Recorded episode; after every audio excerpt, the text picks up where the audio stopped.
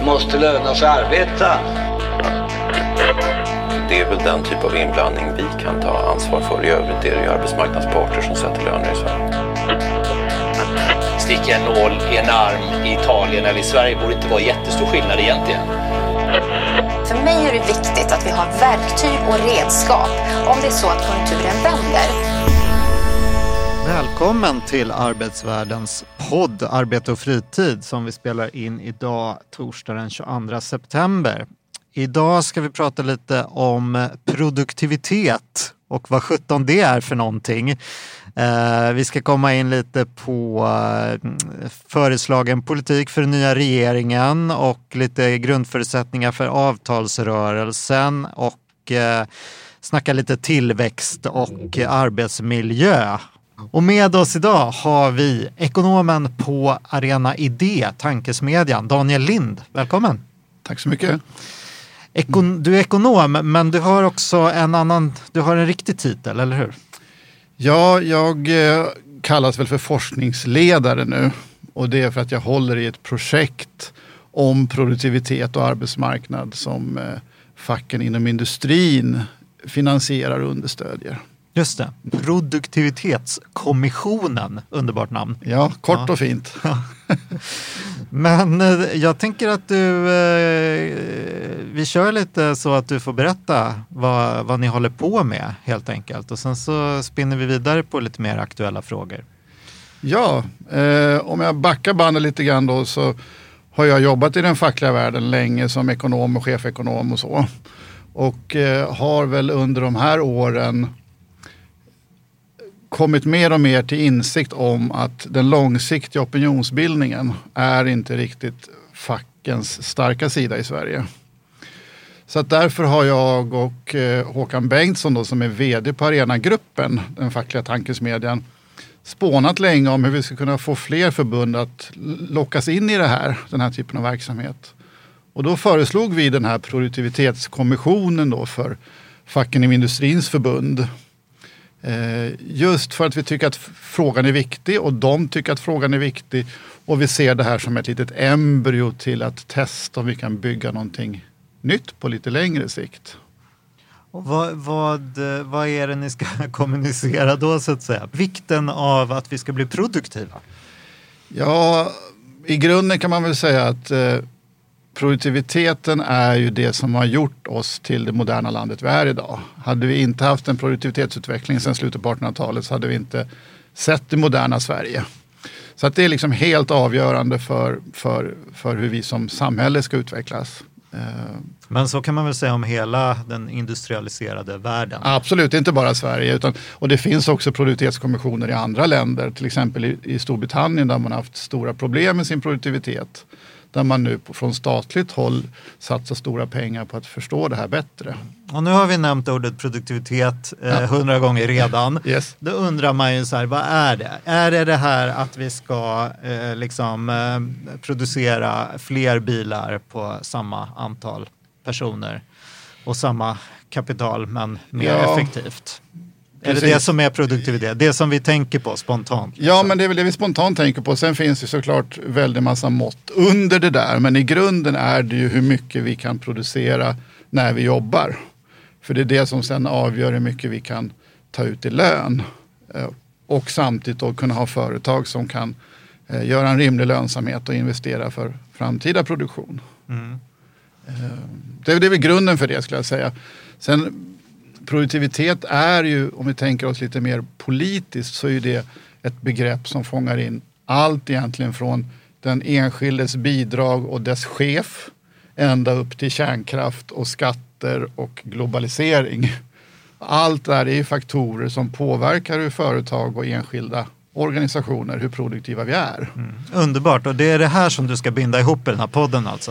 Ja, men jag ska försöka det här projektet är väl egentligen då att lyfta frågor som är viktiga för industrin och Sverige. Mm. Göra det på ett kunskapsmässigt seriöst och trovärdigt sätt.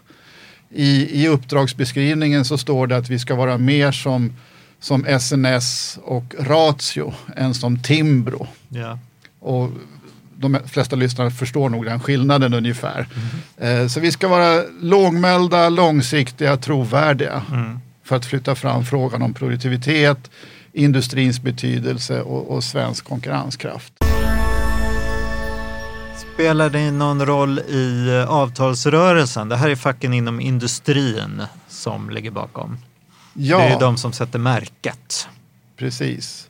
Märket är ju, är ju egentligen reallöneutrymmet vi har i ekonomin bestäms av produktivitetstillväxten. Så att det är ju helt avgörande för, för märkets nivå hur, hur snabbt ekonomin kan öka sin produktivitet. Sen kan produktivitet vara mycket, mycket mer än just det, men det är så det används inom facken i industrin. Hur mycket har produktiviteten i industrin och ekonomin ökat som då lägger bottenplattan för hur mycket lönerna kan öka. Mm. Och när du säger att eh, ni ska kommunicera liksom ur ett fackligt perspektiv kring det här. Vad är, hur ser motsatsförhållandena ut där? Vad, vill, vad tycker arbetsgivarna att produktivitet är och vad tycker facken att produktivitet är? Och, eh, eller bäst, eh, bäst befordras så att säga. Ja, i grunden så finns det ju en samsyn i Sverige mellan parterna om betydelsen av produktivitet. Det finns ju tillbaka sedan skrivningar på, runt Saltsjöbadsavtalet och sådär. Så där har ju Sverige en, en uni- unik historia. Där många andra länder har varit mer skeptiska historiskt. Grundinställningen är nog ändå att det finns en bred samsyn till, kring värdet av produktivitet och värdet av globalisering och strukturomvandling och så. Sen när man går in i, i mer och gräver i lådan, har de här olika aspekterna från arbetsmiljö till skatter, så finns det väl olika betoning vad man lägger sig på. Och eh, jag tänker att det finns ett antal aspekter som ligger närmare det fackliga hållet. Och det är till exempel arbetsmiljö och produktivitet. Och arbetsmiljö och kreativa organisationer. Det är ju som hjärtat för vår verksamhet, det är arbetsplatsen. Eh, Så där har vi till exempel en, två forskare som skriver en forskningsöversikt om den här forskningen. Och där vi förhoppningsvis då kan mejsla fram lite tydligare förslag. För där är det lite, det är tunnsått med konkreta förslag. Men det är också väldigt svårt att ta fram konkreta förslag. Hur gör man det här? Hur kan man ställa rimliga, större krav på arbetsgivaren? Hur kan man följa upp det här? Eh, Och vi har rört oss i den här riktningen de senaste sju, åtta åren kanske. Eva Nordmark har gjort det när hon har fokuserat på välbefinnande till exempel i arbetet. Eh, Men med det sagt, jag tror att arbetsmiljö är en sån del. En annan del som, som jag tidigare har lyft upp det är kopplingen till exempel mellan social rörlighet och produktivitet. Just det. Eh, och- Men vänta innan ja. vi går in på det, Ja. kan du inte säga någonting om eh, den här forskningen då? Man blir ju intresserad. Det känns ju som att det borde finnas hur mycket som helst som visar hur en bättre arbetsmiljö kan bidra till att vi blir mer pro- produktiva på jobbet. Ja, jag skulle säga att eh, det har funnits forskning under lång tid, framförallt hos, bland psykologer. Eh, ibland har den forskningen inte varit så tydlig i att förklara vad som leder till vad. Är det en, en bättre arbetsmiljö som driver verksamheten eller är det så att en bättre fungerande verksamhet också gynnar arbetsmiljön? Eh, så att där har man väl försökt ta steg framåt att förstå orsakssambanden. Så att i den här forskningsöversikten då är uppdraget att just fokusera på de, den litteratur som, och de studier som försöker etablera det här sambandet. Ja, spännande. Jag läste eh, senast idag en rolig artikel i The Atlantic om just eh, managementforskning och Ja. hur man blir effektivare av att eh, få gratis lunch och få sluta tidigare. Men man blev också effektivare av att lunchen drogs in och man fick sluta senare. Alltså alla förändringar verkade vara positiva. Ja, Ja, det handlade mer om att man var del av experiment, trodde man sen. ja, okej, ja. Ja. Men jag kan bara säga att vi hade ett webbinarium här i, i våras med en, en ledande forskare, ekonom, som just presenterade en översikt av den ekonomiska forskningen kring det här sambandet. Och då var det en annan som också var med, då, en finländare som har tittat på finländsk industri. Och det är ju relevant då för FI-förbunden. Och där visar det sig att en, en satsningar på arbetsmiljö bidrar till en högre produktivitet i industri, finsk industri. Okej, vad hette den här forskaren då? Petri Böckerman heter Just han. det, så då kan man eh, gå in och eh, söka sig vidare. Ja men precis. Eh, så att, ja men det är väl en tanke just att Just det. koppla det till arbetsmiljö och inte bara arbetsmiljö i termer av skador och problem utan också hur får vi utlopp för vår kreativitet, hur får vi använda vår utbildningsnivå, vår kompetens. Mm. Eh, för där ser vi ju, om vi tittar tillbaks 20 år i Sverige, så har nöjdheten med jobbet sakta försvagats. Mm. Eh, och vad beror det på? Eh, ja, det är en stor fråga. Man kan ha sina egna hemmasnickrade hypoteser. Men och så pandemin på det som har skapat osäkerhet. Så att var är vi på väg någonstans? Jag tror att det behövs ett, ett tänk där. Men sen har du också varit ute i debatten, till exempel på DN Debatt, om det här med eh, social rörlighet och kopplat det till produktivitet. Ja, precis. Och det är också ett spår som jag tycker nära, ligger nära det fackliga perspektivet. Att eh, som land är det viktigt att vi använder vårt humankapital på bästa möjliga sätt. De människor som finns här. Och för att vi ska kunna göra det så måste så många som möjligt kunna bli det de vill bli och inte fastna i sin bakgrund. Och det är det som är social rörlighet. Att, att jag som, som vuxen ska inte påverkas av mina föräldrars inkomster. Så att det här är ett sätt att angripa frågan om produktivitet mer utifrån ett välfärdsperspektiv. Att du genom en aktiv välfärdspolitik, genom en inkluderande och likvärdig skola, ganska små inkomstskillnader, kan bidra till en ökad rörlighet och därigenom förbättra vår allokering av humankapital. Just det. Och hur har den ut, där får man ju spontant känslan av att det har inte heller gått framåt de senaste 20 åren. Nej.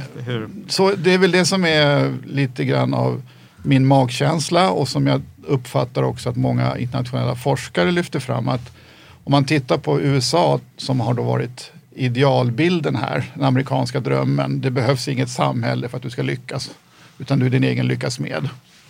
Där har det inte lyckats och det har heller inte hänt i Storbritannien till exempel. Så där finns det en stor diskussion om men varför har det inte här blivit som vi trodde?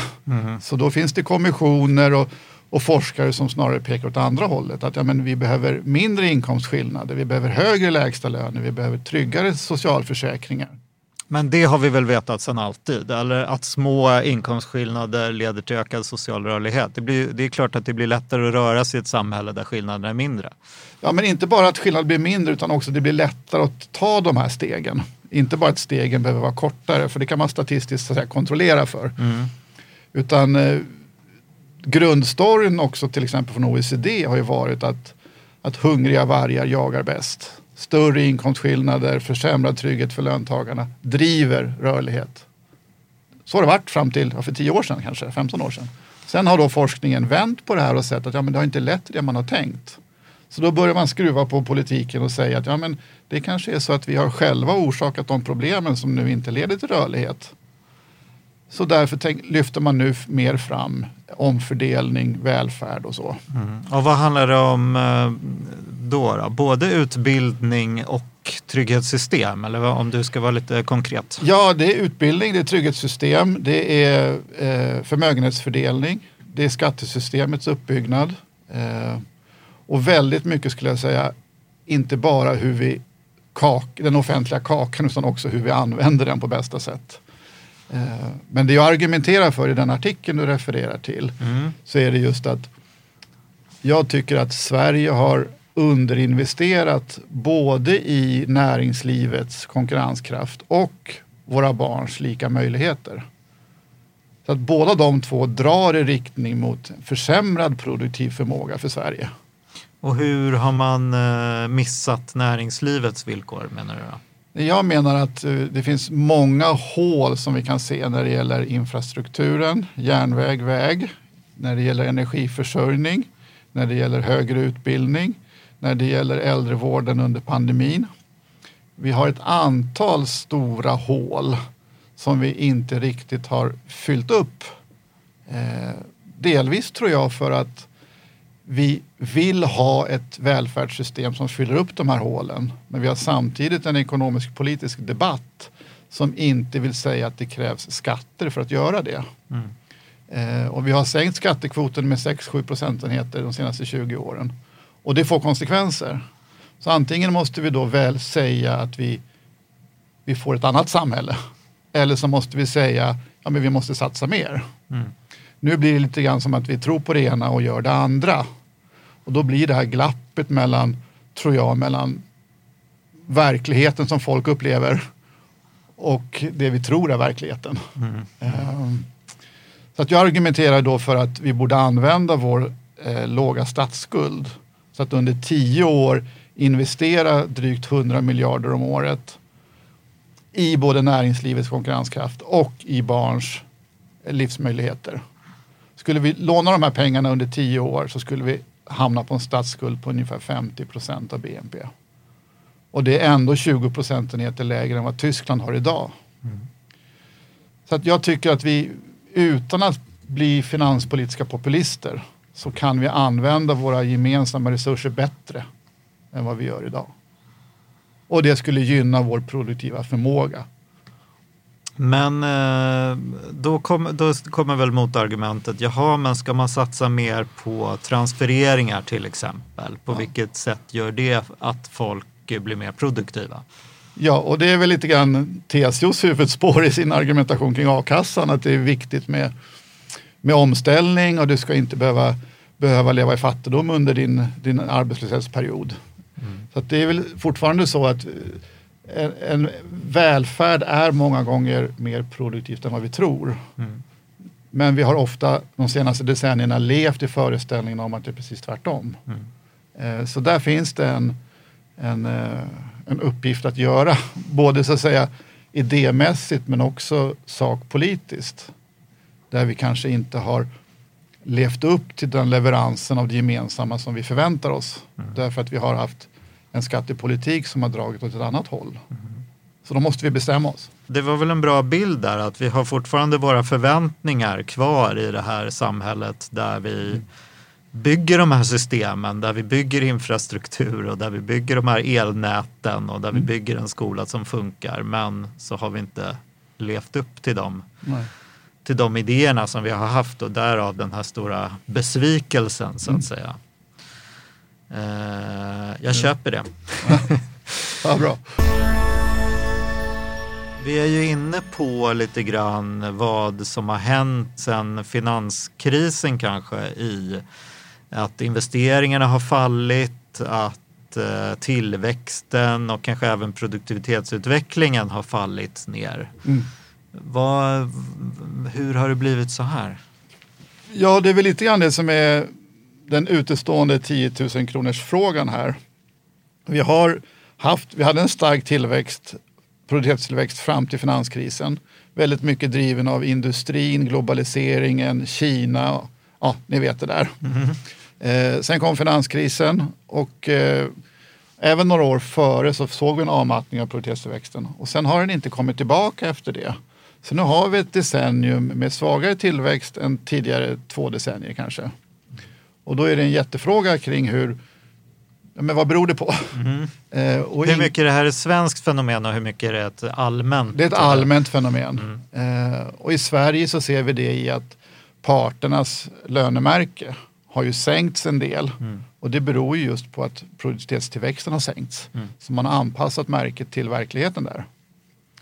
Så det, det är absolut en, en, en bred internationell trend.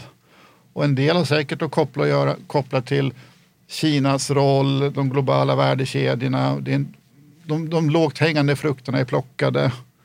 Eh, det finns en del handelspolitiska spänningar som har dykt upp under de senaste åren. Men det är kanske också så att vi var lite dopade under en tid. Så att vi kanske inte kan förvänta oss samma ökningstakt kommande decennium här. Eh, och det finns, två, eh, det finns olika skolor som sagt här och en skola, en amerikansk ekonom som heter Robert Gordon, säger att den teknikutveckling vi har idag kan inte alls ge samma tillväxttakt som vi haft när det gäller tidigare tekniker. Medan andra säger att ja, men bara vi får det här på plats, vi låter det verka, AI och IT och så, så kommer det att dra iväg uppåt igen. Och det är väl ingen som har svaret riktigt på det där. Eh, och en tredje mellanväg är lite grann att säga som en del gör att ja, men vi har nog en potential att öka produktiviteten snabbt igen. Men vi har problem med att det är bara vissa företag. Så att då blir frågan, hur kommer det sig att alla företag eller fler företag inte kan ta del av de här sätten att organisera produktionen? Okej, ja, hur kommer det sig? Ja, det- Vem tror, hur, resonerar man då? då? Att, vilka företag är det? Ja, det är väl framförallt de då som är, liksom, i, ligger i den globala fronten. Eh, mycket av det sprids inte till den lokala bilfirman i Årjäng. Eh, det ligger säkert någonting i det och det är kanske inte så konstigt heller alla gånger. Men eh, ja, det, det är liksom en tredje tankeskola kring det här kan man väl säga. Eh, och jag tänker definitivt inte komma med något, något givet svar här men vi ska försöka bena i den frågan en del. Och vi har en, som en grund för det så har vi en eh, ekonomhistoriker i Uppsala som skriver om svensk produktivitet konkurrenskraft bakåt. Och med det som underlag diskutera framtiden. Eh, Så vi försöker ta i den frågan också. Så. Eh, Sen kommer jag på en sak till jag tycker jag kan nämna som är från ett fackligt perspektiv. Ja, Får jag göra det? jag gör det. Om vi tänker oss då arbetsmiljö, eh, social rörlighet, liksom välfärdens betydelse. Sen är det ju såklart klimatet. Eh, och så som vi tänker på produktivitet idag, konjunkturinstitut och budgetpropositioner och annat, så är det ju inte så att vi justerar för vår miljöskada Nej. i produktivitetsbegreppet. Så att då har vi en, eh, en eh, expert på området som ska fundera på liksom vad, vad finns det för diskussion där ute om att ja, men hur, ett, i själva produktivitetsbegreppet, hur får vi in den skada vi möjligtvis skapar? Och det andra är, ska vi verkligen tänka produktivitet i termer av företag eller branscher när man är en del av ett system som kanske släpper ut mer än vad vi tål? Eh, Så det också tycker jag liksom är ett sätt att Och hur ska man tänka då, då istället? Ja, det är det vi får se. Jag har absolut inget svar på det. Eh, men det finns en diskussion där ute och vi ska försöka plocka hem den och försvenska den och få till ett bra samtal. Är det, är det tänkt att det här ska spela in i avtalsrörelsen på något sätt? De här eh, tankarna och diskussionerna kring produktivitet? Jag skulle säga att, att parterna som nu ska in i förhandlingarna, de har stenkoll på siffrorna de senaste åren tillbaka. Vad händer just nu, de närmaste årens prognos. Så på det sättet så har de den kartan helt klart för sig. Så att produktivitetskommissionen är väl mer att hitta kraft bakom dem. Att långsiktigt, ja men nu ska vi tänka på det här. Ja. Eh, sen i bästa fall så kanske de hittar någon idé eller två som kan sprida sig in i det nuvarande. Men det är inte det primära. Nej, det. Utan det är mer långsiktigt. Ja. Men ni har en mer, eh, man kan säga att ni har en mer allmänpolitisk eh, inriktning då. Men har du några råd nu då till en ny regering? Vad är, vad är dina tre highlights som du vill eh, skicka med? Ja, vad skulle det vara? Eh, ja, men då skulle jag säga energiförsörjning. Jag skulle säga se välfärden som en produktiv kraft. Och tänk ännu mer skolan som eh, en motor för likvärdighet. Mm. Eh, jag skulle också säga, glöm inte bort, tidigare har det varit så att jag tror att Moderaterna i sin, eh, eh, sin valplattform skrev att de skulle lägga ner det nya arbetsmiljöinstitutet i, i Gävle. Eh, Jag är inte säker på det, men jag tror något parti hade det i varje fall. Okej. Eh, och det är ju lite oroväckande tycker jag, för där är just kopplingen till arbetsmiljö och effektiva organisationer. Eh, så att eh, tänk, tänk produktivitet, ja basen är infrastruktur, teknik, energi. Men det är också mycket mer som är produktivt. Välfärden är produktiv, arbetsmiljön kan vara produktiv. Eh, så tänk, landa inte i 90-talets eh, ökade klyftor spår. Landa i bejakande av välfärd och samhälle. Just det. Du, eh, ni hade ju också en Nobelpristagare inbjuden för ett Ja. seminarium här i veckan. David Card, han som eh, fick Nobelpriset här för sina studier av bland annat, eller kanske framförallt för sina studier av hur minimilöner påverkar eh, sysselsättningen. Ja. Vad, vad gjorde han hos er? Eh, han, vad han gjorde hos oss är att vi försöker ha en seminarieserie där vi lyfter in eh, inte sällan internationella tänkare och forskare för att liksom stimulera vår miljö. Eh, Eh, och CARD fanns med där för att från början i uppdragsbeskrivningen för projektet så titta lite mer på det här med lägstlöneforskningen. Det var ett uppdrag som fanns där. Men jag skulle säga att CARDs forskning är mer intressant än bara lägstlöner. Det är viktigt för LO-grupperna och han har viktiga poänger där.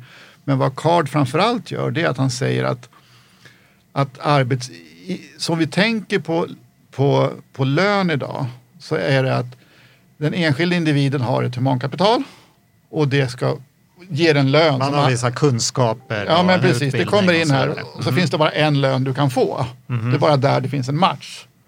Så att allting, din lön bestäms bara av individen. Men i praktiken så funkar det inte så. Och i hans forskning så tittar man just på att arbetsgivare har det de kallar för lönesättarmakt. Så att de kan själva välja inom vissa ramar vilken lön de ska ge sina medarbetare. Och det vet vi från Sverige att så funkar det ju i vår lönebildning. Men det har liksom inte varit så i det ekonomiska tänkandet. Så det här är ett sätt att, att se på arbetsmarknaden där produktiviteten inte bara, det är inte bara produktiviteten som definierar lönen utan det finns också andra faktorer som har med efterfrågan på arbetskraft att göra från arbetsgivarnas sida. Just det. Och det där påverkar väl då, misstänker jag, vilken vinst man gör och eh, ja, hur stor del av, eh, av överskottet som går till vinst och hur mycket som går till löner och vad som Ja. går till investeringar och så vidare. Precis. Och där är det ju till exempel som i USA då, där är ju lägstlönerna låga men väldigt viktiga. Eh, I Sverige så har vi ju högre lägstlöner vanligtvis men vi har också fackliga organisationer, vi har kollektivavtal som kan hålla upp lönerna mer än i många andra länder. Så i, utifrån Cards resonemang då så kanske vi har institutioner som är bättre på att hålla upp den här lö, lönebetalningsförmågan som arbetsgivarna har. Ja. Och skulle vi då tappa den genom försvagat fack eller så, så, så skulle det mer bli att arbetsgivarna kan pressa ner lönerna. Eh, och då skulle lönerna hamna under medarbetarnas produktivitet. Och då blir det ju liksom ett, ett överskott som blir över överskottet så att säga. Så då får vi för lite lön för det vi gör. Just det. Så att CARD lyfter fram en ny dimension på arbetsmarknaden som jag tycker saknas i svensk debatt. Mer än lägstlöner så. Just det, för eh, poängen där lite är att eh, fackens makt i Sverige då, eller vissa europeiska länder, kanske inte bara trycker upp de lägsta lönerna, utan lönerna över hela, över hela spannet. Absolut eller? så. Mm. Men grundtanken är, bara för att återupprepa det, att, att arbetsgivarna har möjlighet att sätta sin egen lön. De är så att säga inte slav under en objektiv lönenivå. Och bara det, att ta sig förbi det, att det finns arbetsgivare som sätter en lön. Det är viktigt i de här sammanhangen. Även om det låter helt absurt för oss att inte det redan är gjort. Ja. Så. Just det, men har man sett en utveckling där? Då? Är det så att eh, de här företagen som du snackade om förut, frontrunners, liksom, de sätter högre löner eh, för egentligen samma typ av kompetens medan eh, bilmäcken i Örkelljunga, vad var det du sa? Årjäng. Så- i Årjäng sätter lägre löner. Liksom. Ja, men lite så. Och eh, den här tanken då kallas egentligen för monopsoniteorin från början. Och monopsonin börjar i att det fanns en arbetsgivare, en, en, en bruksort.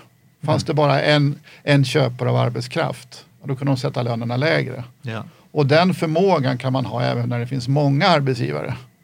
Eh, så det är det som är grundtanken. Och har man då till exempel eh, eh, ja, men attraktiva bolag som, som Google eller vad det nu kan vara. Har man några Googles i sitt område, då lyfter det också andra. Och trots att de andras produktivitet inte är högre, Ja, men det lyfter de deras lön ändå.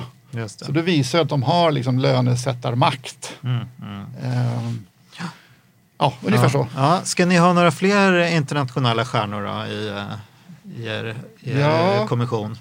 Vi försöker ju fylla på efterhand.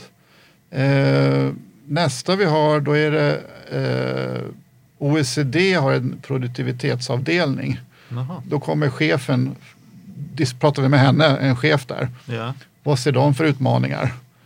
Och då tänkte jag just ta upp det här med miljö och globalisering och spridningen och så. Så får vi se var de landar. Ja.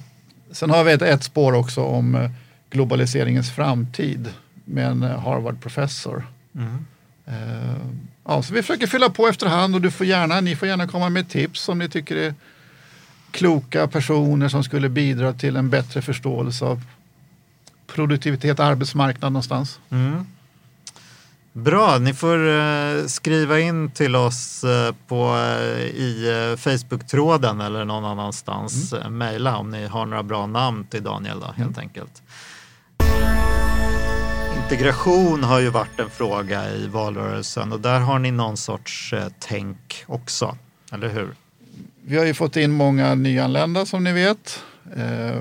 Och då har ju parterna försökt lösa det med de här etableringsjobben som är på gång. Och det är ju då ett sätt att förhandla fram lite lägre lönekostnader utan att sänka lönen för den enskilde. Så där är ett sätt att hur vi i ett partssystem kan lösa frågor tillsammans, i det här fallet med staten då, istället för att ja, bara ha en låg amerikansk lägstalön. Så försöker vi hitta andra vägar för att förhandla fram lösningar som, ja, men som båda kan ha nytta av så att säga. Ja, och på vilket sätt är det här bättre än en minimilön? Så att säga? Det är just flexibiliteten i det. Eh, vi har ungefär eh, 250 kollektivavtal i Sverige med minimilön, lägstalönenivåer. Mm. Och då finns det olika lägstalönenivåer i varje avtal. Så att, tänk att vi har en 500 olika lägstlöner. Vi säger, antar det. Så är det väldigt mycket bättre än att ha en som vi smetar ut över hela delstaten eller en som vi smetar ut över hela England. Mm. Eh, Varför då? Därför att det skapar ju, parterna får förhandla fram lösningar som passar just deras verksamhet. Eh, vill man ha en trappa in från 16 eller 18 år, ska man gå ett års utbildning för att gå upp? Hur ska vi ha det här? Vad passar oss? Mm. Eh, så det tycker jag är ett stort värde Mm. i att vi har kollektivavtal som regleringsinstitut i Sverige. Mm. Eh, Är ni, är ni i kommunikationen inne på just eh, integrationsfrågor? Vi har ett spår på det hos en eh, tidigare facklig chefekonom som möjligtvis kommer toucha det. Eh, så vi får väl se vad det blir. ja, Men eh, det finns som en bubblare. ja. Eh, och en annan bubblare som vi har också det är lite grann i spåret av LAS omställningsresultatet här. Där ska ju utbildningssystemet rustas upp Mm. och anpassas. Men där tycker jag att det finns värde, ett värde i att ställa sig frågan vad är det för utbildningssystem som det här nya systemet ska in i? Hur funkar det? Hur levererar det? Eh, det tycker jag är en diskussion som vi inte haft i Sverige på, på 20 år. Och vi vet att eh, resurserna har urholkats. Vi vet att många kommer in med, en del kommer in med sämre utbildningsnivå från gymnasiet.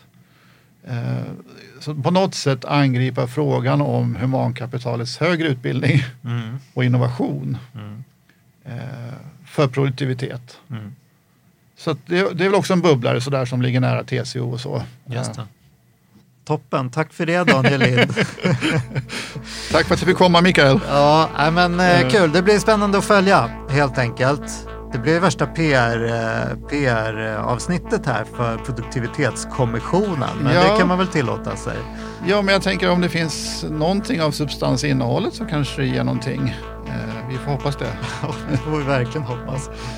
Eh, tack för att du kom hit. Och eh, jag säger bara som avslutning att man ska inte glömma att prenumerera på podden så man inte missar några avsnitt. Eh, och jag kan ju också säga att jag heter Mikael Fältbom och är chefredaktör för Arbetsvärlden. Om jag missade det i början, det vet ni vid det här laget. Och att det är Henrik Andersson Fågel som klipper podden. Eh, han tar gärna nya uppdrag också, eller hur? Ja, Ja, det här är ju reklam, reklamavsnittet. Vi gör lite reklam för dig också. Eh, tack för att ni lyssnade. Vi hörs igen om två veckor sådär. Tack så mycket. Hej hej!